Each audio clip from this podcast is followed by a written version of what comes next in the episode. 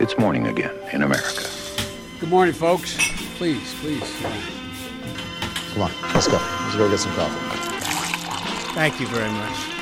Det er onsdag 18. november. Det er 48 dager til senatsvalgene i Georgia. 63 dager til Joe Biden innsettes som president, og morgenkaffen er servert. Aller først, i forrige uke uttalte Christopher Krebs, leder ved det amerikanske byrået for datasikkerhet og infrastruktur, eller CISA, at årets presidentvalg har vært det sikreste i amerikansk historie. Krebs og CISA, som ligger under Department of Homeland Security, har vært ansvarlige for sikkerheten rundt valget i november. Donald Trump kunngjorde i går at han har sparket Krebs med umiddelbar virkning. Kamala Harris, senator og nyvalgt visepresident, ble gratulert av flere republikanere i senatet i går, blant annet av Tim Scott fra South Carolina, Mike Rounds fra South Dakota og James Lankford fra Oklahoma. Hun fikk en fistbump av Lindsey Graham, som i de siste dagene har blitt anklaget for å ha bedt en valgansvarlig i Georgia om å påvirke valget ved å underkjenne en kategori lovlige stemmer. Og senator Chuck Grassley fra Iowa, republikaner, 87 år gammel, kunngjorde i går at han har testet positivt for koronaviruset. Når det gjelder Joe Biden og Harris sitt eh, overgangsteam, så har de nylig kunngjort ni personer som blir å finne i Biden-administrasjonen fra og med 20. januar. Vi kommer mer inn på dette i ukas episode av 2020. Dagens første sak Biden ønsker ikke Trump-relaterte etterforskninger. I et forsøk på å forene et splittet land skal ikke Joe Biden være særlig interessert i å følge opp etterforskninger knyttet til den utgående Trump-administrasjonen. Noen av Bidens partifeller ønsker at den kommende presidenten prioriterer en juridisk opprydningsjobb etter Trump-administrasjonen, men ifølge NBC skal fem kilder med kjennskap til disse diskusjonene ha vært tydelige på at Biden ikke ønsker at en type støy skal henge over hans administrasjon. Biden skal dessuten ønske at alle juridiske avgjørelser knyttet til dette spørsmålet skal bestemmes av et uavhengig justisdepartement. Likevel skal Biden-leiren være klar på at det kan komme konsekvenser dersom Trump-administrasjonen anser det for å være fritt frem i lame duck-perioden fram mot 20. januar 2021.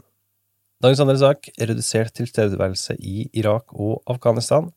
Tirsdag meldte fungerende forsvarsminister Christopher Miller på en pressekonferanse at USA nå kommer til å redusere tilstedeværelsen i Irak og Afghanistan i løpet av kort tid. Trumps plan går ut på å redusere de amerikanske styrkene i hvert av disse landene til 2500 amerikanske soldater innen 15. januar 2021. In light of these tremendous sacrifices, and with great humility and gratitude to those who came before us, I am formally announcing that we will implement President Trump's orders to continue our repositioning of forces from those two countries. By January 15th, 2001, excuse me, I clearly am thinking of where this started in 2001. By January 15th, 2021, our forces, their size in Afghanistan will be 2,500 troops. Our force size in Iraq will also be 2,500 by that same date. This is consistent with our established plans and strategic objectives. Dagens tredje og siste sak, Georgia ønsker ikke valgkampsirkus. 5. januar er det klart for andre runde i kampen om Georgias to uavklarte senatsseter. Republikanerne sitter ved begge senatorene per nå, David Perdue og Kelly Loeffler, mens demokratenes kandidater John Ossoff og Raphael Warnock håper å kunne gi demokratene 50-50 i senatet dersom begge vinner. De to partiene har nå funnet en felles kampsak. Verken demokratene eller republikanerne ønsker nemlig at aktivister skal trekke til delstaten for å støtte de ulike senatskandidatene. Republikanerne ønsker ikke besøk av liberale aktivister, mens tidligere guvernørkandidat Stacey Abrams har oppmuntret demokrater til å mobilisere Georgia-velgere fra der i landet de måtte befinne seg. Dagens utgave av Morgenkaffen er servert av Henrik Skotte og undertegnede Are Togoflaten. Du leser mer på amerikanskpolitikk.no.